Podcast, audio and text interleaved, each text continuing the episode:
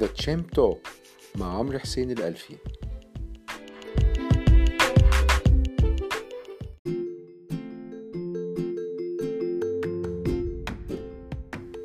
بسم الله الرحمن الرحيم. أهلا بكم في حلقة جديدة من البرنامج الأسبوعي Champ Talk أو البودكاست بالعربي عن الاستثمار.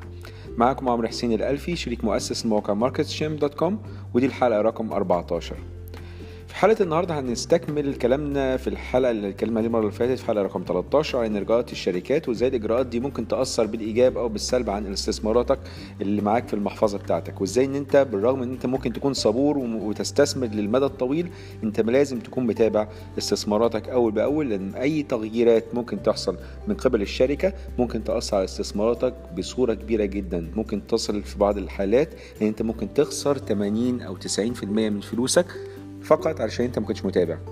هتبقى عامل زي كده إيه؟ باسم مرسي. ما كنتش بتابع. لازم تتابع اسهم بتاعتك اللي انت حاططها في المحفظة لأن ده استثمارات. الاستثمارات ديت ما ينفعش تسيبها لوحدها كده. ما ينفعش زي ما اتكلمنا على الاستثمار ده زي الزهرة. ما ينفعش أحط البذرة وعشان تطلع تبقى وردة وزهرة من غير ما ارويها كل شوية من غير ما اتابعها أشوف فيها جالها فيروس ولا جالها اي مشكلة. لا لازم تتابعها.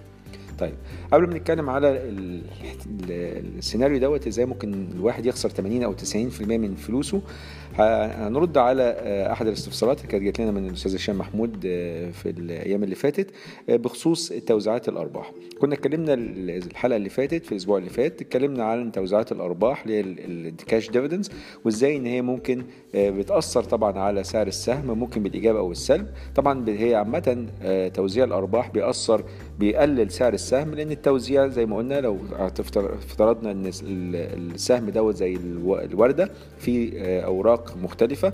لو الأوراق دي هي الكوبونات بتاعه توزيعات الأرباح لو وزعنا كوبون من هذه الكوبونات الورقة دي من الوردة بتقع فبالتالي قيمة الوردة نفسها اللي هي السهم بتقل بالورد الورقة اللي وقعت ديت اللي هي الكوبون. فبالتالي أنا سعر السهم بينزل بطبيعة الحال لما يحصل توزيع أرباح. بس هل ده بيقلل قيمة الشركة؟ آه بيقلل قيمة الشركة لأن المفروض كده في كاش هيطلع من الشركة يروح للمساهمين. ولكن كاستثمار أنت ليك كمستثمر في هذه الشركة أنت ما حصلكش حاجة. إزاي ما حصليش حاجة؟ أنا كان عندي أسهم في شركة والشركة دي فيها كاش كل اللي حصل إن الشركة دي قررت إن هي توزع الكاش دوت ليا أنا كمساهم. تمام؟ كل واحد بحصته طبعا. فبالتالي اللي حصل إيه؟ إن حصل إن حصل إن الكاش ده انتقل من ال balance sheet بتاع الشركة اللي أنا بملك فيها أسهم لجيبي أنا. فكل اللي حصل حولت الكاش من ال balance sheet بتاع الشركة لل balance sheet بتاعي أنا كمستثمر. فأنا كمحفظة ما حصليش حاجة. سعر السهم هينخفض آه بالكوبون ولكن هيزيد عندي الكاش فعلى سبيل المثال لو سعر السهم كان ب 10 جنيه والشركة كانت هتوزع جنيه المفروض سعر السهم ثابت هو على 10 جنيه تداولاته بتتم كل يوم على 10 جنيه لغاية ما حصل التوزيع. كل اللي هيحصل تاني يوم هلاقي إيه؟ هلاقي ان سعر السهم اللي معايا مبقاش ب 10 جنيه هيبقى ب 9 جنيه وفجأة هيظهر لي كاش بجنيه لأن جالي توزيع الأرباح بجنيه. محفظته كلها زي ما هي 10 جنيه. الفرق بس إن هي اتقسمت دلوقتي بعد ما كانت 10 جنيه سهم لا بقت 9 جنيه سهم وجنيه كاش طيب السؤال هنا بتاع أستاذ هشام كان بيقول أنا أشتري السهم إمتى؟ لما قبل ما يوزع ولا بعد ما يوزع ولا ممكن يجي لي الكوبون وأبيعه؟ يعني لو بعت السهم هل still ممكن يجي لي الكوبون ولا once أنا بعت السهم ما يجيليش الكوبون؟ تمام؟ ده هيعتمد على تواريخ لازم ناخد بالنا منها. زي ما قلنا لازم نخلي بالنا من استثماراتنا بالنسبة للتوزيعات النقدية وبالنسبة برضو لأي corporate action أو إجراءات شركات هتتم لازم اخد بالي من المواعيد ديت. ولكن المواعيد دي مهمة أكتر في توزيع النقدي علشان أبقى عارف أنا بشتري السهم ده فيه كوبون ولا ما فيهوش كوبون. بشتري الوردة دي كاملة ولا بشتري الوردة دي ناقصة ورقة؟ تمام؟ فتعال نبص على التواريخ المهمة بالنسبة للتوزيعات النقدية. التوزيعات النقدية زي ما قلنا هناخد نفس المثال بتاعنا سهم ب 10 جنيه والشركة مجلس إدارة أعلن إن هو هنوزع جنيه لكل سهم. ده بنسميه declaration date أو يوم الإعلان. يوم الإعلان دوت ممكن يكون الشركة عملت اجتماع مجلس إدارة وأعلنت إن إحنا نوزع الكوبون دوت. أو ممكن تكون الشركة ما قالتش في مجلس إدارة لكن هي في مجلس الاداره بعد موافقة على الميزانيات بتاعت الشركة أعلن للناس إن أنا أنا عملت أرباح الفلان الأرقام الفلانية بالنسبة مثلا للعام الماضي وبناء عليه إحنا هنوزع أو بنقترح توزيع جنيه للسهم. ده يعتبر يوم الإعلان. يوم ما المعلومة دي طلعت للناس ده بنسميه يوم الإعلان. نفترض هنا مجازا يوم الإعلان ده كان 1 يناير. يبقى الشركة أعلنت أو عملت اجتماع مجلس اداره وقررت إن هي هتوزع جنيه للسهم يوم 1 يناير. السهم طبعا آه، أول حاجة رد الفعل للسهم إيه؟ ممكن يكون رد الفعل إيجابي أو رد الفعل سلبي. رد الفعل إيجابي لو كان الناس مش متوقعة الجنيه كان متوقع إن مفيش توزيعات أصلا. ده هتبقى حاجة كويسة ده السهم هيجي له كوبون هيوزع. هيبقى في عائد. ما كانش موجود العائد ده قبل كده في اعتبارهم في اعتبار المستثمرين. ممكن يكون الناس كانت متوقعة نص جنيه فهو هيوزع جنيه فهيوزع ال double. فده حاجة إيجابية إن الشركة ممكن تكون واثقة أكتر في المشاريع بتاعتها وال business بتاعها لدرجة إن هي هتوزع أكتر من المتوقع. تمام؟ ده بالنسبة للحاجة رد الفعل الإيجابي. فممكن السهم يرتفع على هذا الأساس. ولكن ممكن يكون في رد فعل سلبي. ممكن السهم اللي هو هيوزع الشركة هتوزع جنيه بس الناس كانت متوقعة جنيه ونص. إيه ده؟ هيوزع جنيه بس؟ ده كده قليل فالسهم ممكن يتأثر بالسلب. ممكن يدي مؤشر ده هيوزع جنيه بس يبقى كده خايف من اللي هيحصل في المستقبل اللي ممكن يعمل أرباح قليلة فبالتالي مش هيبقى عنده كاش كافي فبالتالي هو عايز يوزع أقل دلوقتي. ممكن يكون اكشلي التوزيع لما يكون أقل من المتوقع ممكن يكون إيجابي. ممكن الشركة تقول والله أنا هوزع جنيه. آه أنتوا الناس كنتوا متوقعين في السوق اني هوزع جنيه ونص. لكن أنا هوزع جنيه بس. هوزع جنيه علشان أنا محتاج الفلوس اللي أنا هوفرها دي اللي هي النص جنيه الفرق دوت علشان هعمل مشروع جديد وهزود قيمة للشركة بدخولي هذا المشروع.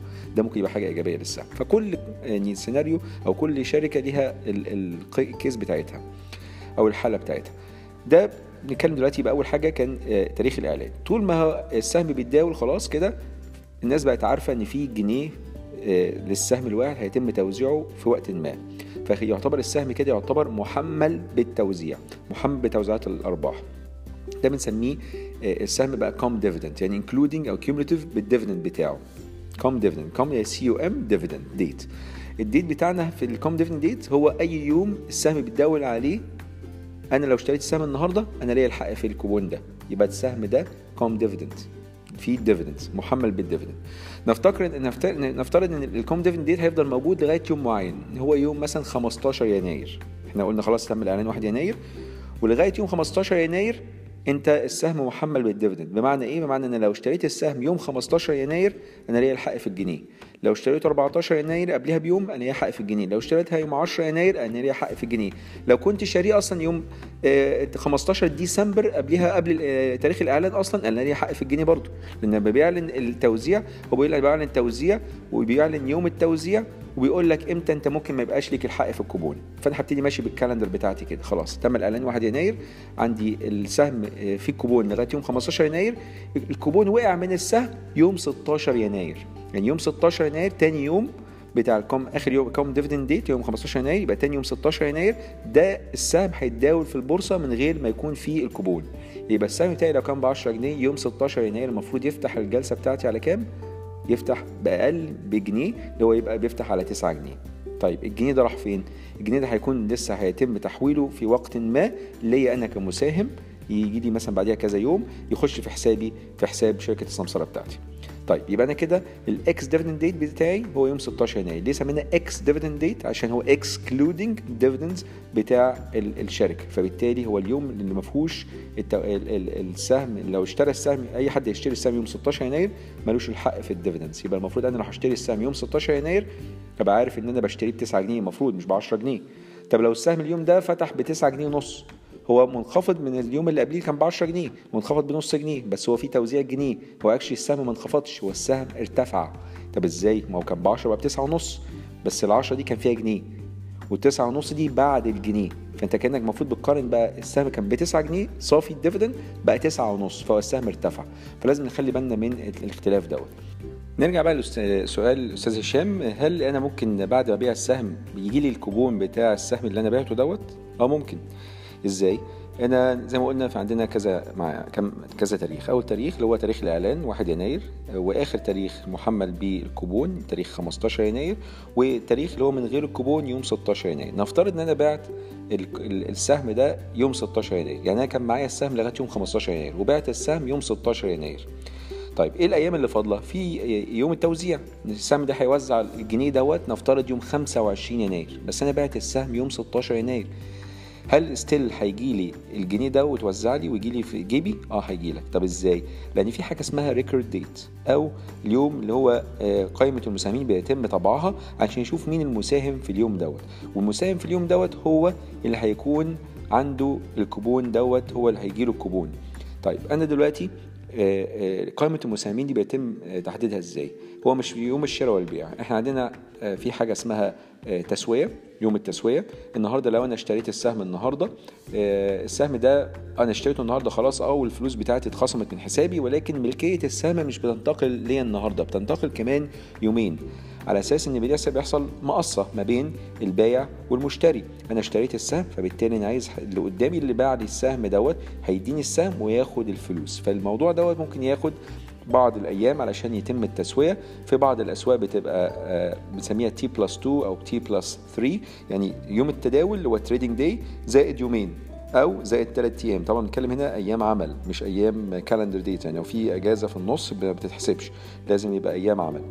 فبالتالي تعال نشوف كده القصة هنا. لو أنا بعت السهم يوم 16 يناير تمام؟ آه ولكن أنا كنت مساهم يوم 15 يناير اللي هو آخر يوم لو حد اشترى السهم لغاية يوم 15 يناير هيبقى ليه الحق في هذا الكوبون. أنا كان معايا السهم يوم 15 يناير يبقى أنا المفروض ليا حق في هذا الكوبون. ليه؟ لأن أنا هعمل ال record date بتاعي هيبقى إيه؟ T plus 2 أو T plus 3 نفترض التداول بتاع السوق T plus 2 يبقى أنا لو أنا كنت معايا السهم يوم 15 يناير يبقى يوم 17 يناير هيتم طباعة قائمة المساهمين وأنا اسمي هيكون موجود في هذه القائمة وبالتالي هيجي لي الكوبون. طب أنا بعت السهم يوم 16 يناير. ماشي ما الكلام دوت. لو كان 16 يناير يبقى كنا هنطبع قائمة المساهمين يوم 18 يناير. لا إحنا مش هنطبع يوم 18 يناير هنطبع يوم 17 يناير. لأن إحنا قلنا إن آخر يوم ليك الحق في التوزيعات يوم 15 يناير. هنطبع قائمة المساهمين بتاعة التداولات يوم 15 يبقى اللي هي موافقة يوم 17 يناير لأن إحنا T plus 2 يبقى يومين بعد تسوية بعد يوم التداول. تيجي تطبع قائمة المساهمين هتدي الكوبون لهؤلاء المساهمين. فأنا ويوم ال ex-dividend أنا بعت 16 يناير ولكن هيجي لي لسه التوزيعات يوم 25 يناير. طب هي برضه ت make sense ت make sense إزاي؟ ما أنا يوم ال ex-dividend ديت يوم 16 يناير أنا بعت السهم. نفترض إن أنا بعت السهم في اليوم دوت يبقى بعته بكام؟ أكيد ما بعتوش ب 10 جنيه، هكون بعته ب 9 جنيه، لأن هو السهم لازم هينزل يومها بالجنيه دوت، وأنا هيجي لي الجنيه يوم 25 يناير، يبقى أنا زي ما أنا سعر السهم كان يوم 15 يناير ب 10 جنيه، يوم 16 يناير بعته ب 9 جنيه، ويوم 25 يناير هيجي لي الجنيه الكوبون دوت، هي كلها يعتبر logistics يعني هتحصل تسوية وفي الآخر يجيني الكوبون دوت يوم 25 يناير يبقى كاش عندي ومحفظتي تبقى كاملة. أنا كمساهم طبعا أو مستثمر باخد في اعتبار إن في جاي لي dividends يوم 25 يناير عشان المحفظة بتاعتي ما ينفعش فجأة تنزل بالجنيه. لا أنا هعتبر إن أنا لسه في dividends هتجيلي dividends dividends receivable أو في الطريق. فدي يعني لازم أخدها في اعتباري وأنا بحسب الأداء المحفظة بتاعتي. لأن أنا عارف إن في جنيه هيتوزع لي وعارف هيتوزع لي إمتى. نرجع كده يبقى عندنا كذا يوم. عندنا يوم الإعلان ممكن يكون اجتماع مجلس إدارة. عندنا يوم آه آخر يوم ليك الحق في توزيع الأرباح. عندك اليوم اللي بعديه اللي هو مالكش الحق في توزيع الأرباح. عندك يوم طباعه قائمة المساهمين حاملين السهم لهذا اليوم اللي هو بيبقى T plus 2 أو T plus 3 وعندك آخر يوم اللي هو يوم الدفع أو يوم ال ال ال ال السداد بتاع الكوبون اللي هو بيمنت ديت وده بيبقى آخر يوم أنت بيجي لك منه الكوبون. ده بالنسبة لتوزيعات الأرباح. طيب نتكلم على إزاي ممكن الواحد يتجنب يخسر 80 أو 90% من فلوسه. هديك مثال بسيط جدا ودي حصلت في السوق المصري إن لما شركة بتعمل زيادة رأس مال زمان كانت بتعمل زيادة رأس مال تقول لك هعمل زيادة رأس مال بالقيمة الإسمية أو هعمل زيادة رأس مال بالقيمة السوقية أو هعمل زيادة رأس مال بالقيمة العادلة اللي هو على حسب تقييم مستشار المال المستقل. حصل في بعض في في إحدى الحالات كان سهم جلوبال تيليكوم أيام ما كان السهم اسمه أوراسكوم تيليكوم والشركة دي عملت زيادة رأس المال. بس زيادة رأس المال هنا كانت بإيه؟ بالقيمة الإسمية. المشكلة هنا في إيه؟ المشكلة هنا حاجتين. أول حاجة إن زيادة رأس المال كانت بالقيمة الإسمية اللي هي أقل بكتير من قيمة السهم في السوق. فبالتالي أنا هضطر لازم أكتتب خصوصا إن في حاجة تانية. مش بس إن السهم هيتم اكتتاب فيه بالقيمة الإسمية اللي هو أقل بكتير جدا من سعر السهم في السوق ولكن كمان ده زيادة رأس المال هتكون أضعاف أضعاف عدد الأسهم الموجودة الحالية. فبالتالي أنا لو ما اشتركتش في زيادة رأس المال ديت هيحصل لي dilution وفي نفس الوقت هيحصل لي سعر السهم اللي هيتفضل معايا هيبقى قيمته قليلة جدا لو أنا ما اكتتبتش وبالتالي هخسر النسبة دي. هندي مثال بسيط جدا. هنفترض إن أنا معايا 100 سهم وال 100 سهم دوت سعرهم أو دولت سعرهم في السوق 100 جنيه لكل سهم. يبقى أنا المحفظة بتاعتي فيها 100 سهم كل سهم ب 100 جنيه يعني المحفظة بتاعتي ب 10000 جنيه. تمام؟ طيب الشركة قالت هنعمل زيادة رأس المال ب 400 سهم. يعني انت لو عندك 100 سهم ليك الحق تكتتب في 400 سهم. واحد لأربعة أو تكتب أربعة لواحد تكتتب في أربع أسهم لكل سهم معاك. فبالتالي أنا لو هعمل زيادة رأس المال أنا المفروض أكتتب في 400 سهم. والقيمة الإسمية بتاعت السهم دوت جنيه. خلي بالنا سعر السهم في السوق 100 جنيه والقيمة الإسمية جنيه. أقل بكتير أقل ب 99% طيب لو أنا هكتتب ب 400 سهم بجنيه. المفروض أدفع كام؟ المفروض أدفع 400 في جنيه يعني 400 جنيه. المفروض أدفع 400 جنيه عشان يبقى عندي اكتتبت ب 400 سهم. لكل سهم جنيه. طيب لو أنا نفترض حصل الكلام ده خلاص أنا المفروض المحفظه بتاعتي تبقى شكلها عامل إزاي؟ هيبقى عندي 500 سهم. ال 100 سهم اللي كانوا معايا وعندي 400 سهم كتبت فيهم أدي 500 سهم. طب قيمة المحفظة؟ قيمة المحفظة المفروض تبقى المجموع قيمة الأسهم اللي كانت معايا في الأول اللي هي كانت ال 10000 جنيه اللي هي ال 100 سهم ب 100 جنيه زائد ال 400 جنيه اللي كانت الكاش اللي أنا حطيتهم من جيبي. فبقى في 10400 10400 جنيه. سعر السهم المفروض المعدل في السوق هينزل من 100 جنيه كان سعر السهم في السوق 100 جنيه هينزل يبقى كام؟ يبقى 20 جنيه 80 قرش. هينزل يبقى 20 جنيه 80 قرش. ده انخفاض في سعر السهم بكام؟ بحوالي 79% يعني تقريبا 80% انخفاض ب 80% في سعر السهم. بس هل هو انخفاض ب 80% في المحفظة بتاعتي؟ لا لأن أنا اكتتبت. أنا بعتبر ان اكتتبت. طالما أنا اكتتبت المحفظة بتاعتي زي ما هي. 10000 جنيه زودت عليهم 400 جنيه. زي ما كنت باخد توزيعات الأرباح من الشركة بحط في جيبي أنا هاخد هنا الكاش. واحط في الشركة العكس فهكتتب فاحط فلوس في الشركة فبالتالي أنا معايا السهم اللي أنا اكتتبت فيه فيه بقى محمل ب 400 جنيه كاش اللي أنا حطيتهم في الشركة. بقى قيمة المحفظة بتاعتي زادت من 10000 جنيه ل 10400 ولكن أصلا أنا كان معايا 400 جنيه فهي يعتبر قيمة المحفظة بتاعتي ما اتغيرتش. طيب إزاي على 80% نفترض بقى إن أنت يعني نمت وصحيت اكتشفت إن الشركة عملت زيادة رأس المال وتم الموافقة عليها وأنت ما اكتتبتش. ده طبعا يبقى حظ سيء جدا لأن هتصحى من النوم هتلاقي إن معاك نفس ال 100 سهم هم هم اللي أنت كنت ما كانوا معاك قبل زياده رأس المال وسعر السهم دلوقتي نزل من 100 جنيه بقت 20.80 بقى معاك قيمة محفظتك دلوقتي بقت كام؟ بقت 2080 جنيه. نزلت من 10000 جنيه ل 2080 جنيه. انخفضت فعلا بحوالي 80% تقريبا. ده اللي الحالة اللي كانت ممكن تحصل معاك لو أنت ما اكتتبتش بالقيمة الإسمية في عدد الأسهم الكبير دوت لطبعا زيادة رأس المال. دي كانت بتعمل مشاكل طبعا في في هذه الحالة. آه لأن طبعا بتجبر بعض المساهمين اللي هم مش عايزين مثلا ممكن يكون المساهمين بالأغلبية يعني آه الأغلبية موافقة على زيادة رأس المال لكن في بعض المساهمين مش موافقين على زيادة رأس المال. أنا مش عايز أحط فلوس من جيبي أنا مكتفي بالأسهم اللي معايا. فبالتالي أنا أنت بتجبرني كده إن أنا لازم أكتتب في سعر السهم أو عشان ما أكتتبش بعمل إيه؟ أبص على التواريخ مين اللي المفروض يكتتب في, في يوم إيه؟ ساعتها قبل حق الاكتتاب دوت لازم أبيع السهم. هضطر إن أنا أضغط على السهم كده وأبيعه في السوق بأي سعر علشان أخلع من السهم دوت عشان ما أدفعش ثمن اكتتاب زيادة رأس المال. طيب الموضوع ده تم يعني معالجته في السوق المصري وفي بعض الأسواق إن هو بيبقى فيه حاجة اسمها rights بتتداول أو حقوق تداول أو حقوق اكتتاب يعني capital increase rights دلوقتي قال لك لو انت كان معاك ال 100 سهم نفس المثال بتاعنا لو كان معاك ال 100 سهم دولت هيبقى ليك الحق ان انت تكتتب في 400 سهم تمام؟ والله انت عايز تكتتب فعلا خلاص هتستخدم الحق ده ان انت تكتتب فعلا في ال 400 سهم دولت بجنيه. وتدفع جنيه 400 جنيه يبقى انت هتكتتب في 400 بتفضل معاك 500 يبقى معاك 500 سهم سعر السهم الواحد هيبقى بحوالي 20 80 20 جنيه 80 قرش. طيب لو أنا نفترض مش عايز اكتتب هذا السهم كنت هعمل إيه؟ كنت هتبيع حقوق الاكتتاب. فهيجي لك الحقوق ديت. أول ما تجي لك الحقوق تنزل لك في المحفظة بتاعتك أنت مش عايز تكتتب تبيعها. تقوم بايع حقوق الاكتتاب هيجي لك فلوس. كده أنت تحافظ على قيمة المحفظة بتاعتك. more or less أو تقريبا هيبقى نفس القيمة تقريبا ممكن تبقى زيادة شوية أو أقل شوية حسب تغير أسعار الأسهم أو سعر السهم نفسه وسعر حق الاكتتاب. بيبقى فيه طبعا سعر استرشادي بالنسبة لحق الاكتتاب عشان الم... يبقى zero-sum game يبقى في الآخر بنتكلم نفس قيمة السهم هو هو يا دوبك اتقسم ما بين سهم من غير اكتتاب وفي حقوق الاكتتاب. فبالتالي أنت بيحصل إن أنت سعر السهم وسعر الحق الاكتتاب بيتم تعديلهم بحيث إن أنت المحفظة بتاعتك سعرها ما يتغيرش أو قيمتها ما تتغيرش. لكن طبعا تداولات اليوم اليومية بتاعت السهم وحقوق الاكتتاب ممكن تغير السعر ولكن يفضل طبعا إن أنت ما يكون معاك حق الاكتتاب وأنت مش عايز تكتتب يفضل إن أنت تبيع في الأول. ما تستناش كتير. يعني نفترض إن حق الاكتتاب دوت هيستمر لمدة شهر. ما اجيش على انه بعد 15 يوم أو قرب نهاية الشهر أو مبيع حق الاكتتاب لأن حق الاكتتاب ده عامل زي آه، عقد ال option أو عقود الخيارات بنسميه options contracts إن هو كل ما تقرب من نهاية نهاية الفترة بتاعه الحق بتاعك أنت ممكن تلاقي السعر الحق ده بيبتدي ينزل ينزل ينزل لغاية ما يقرب ل zero.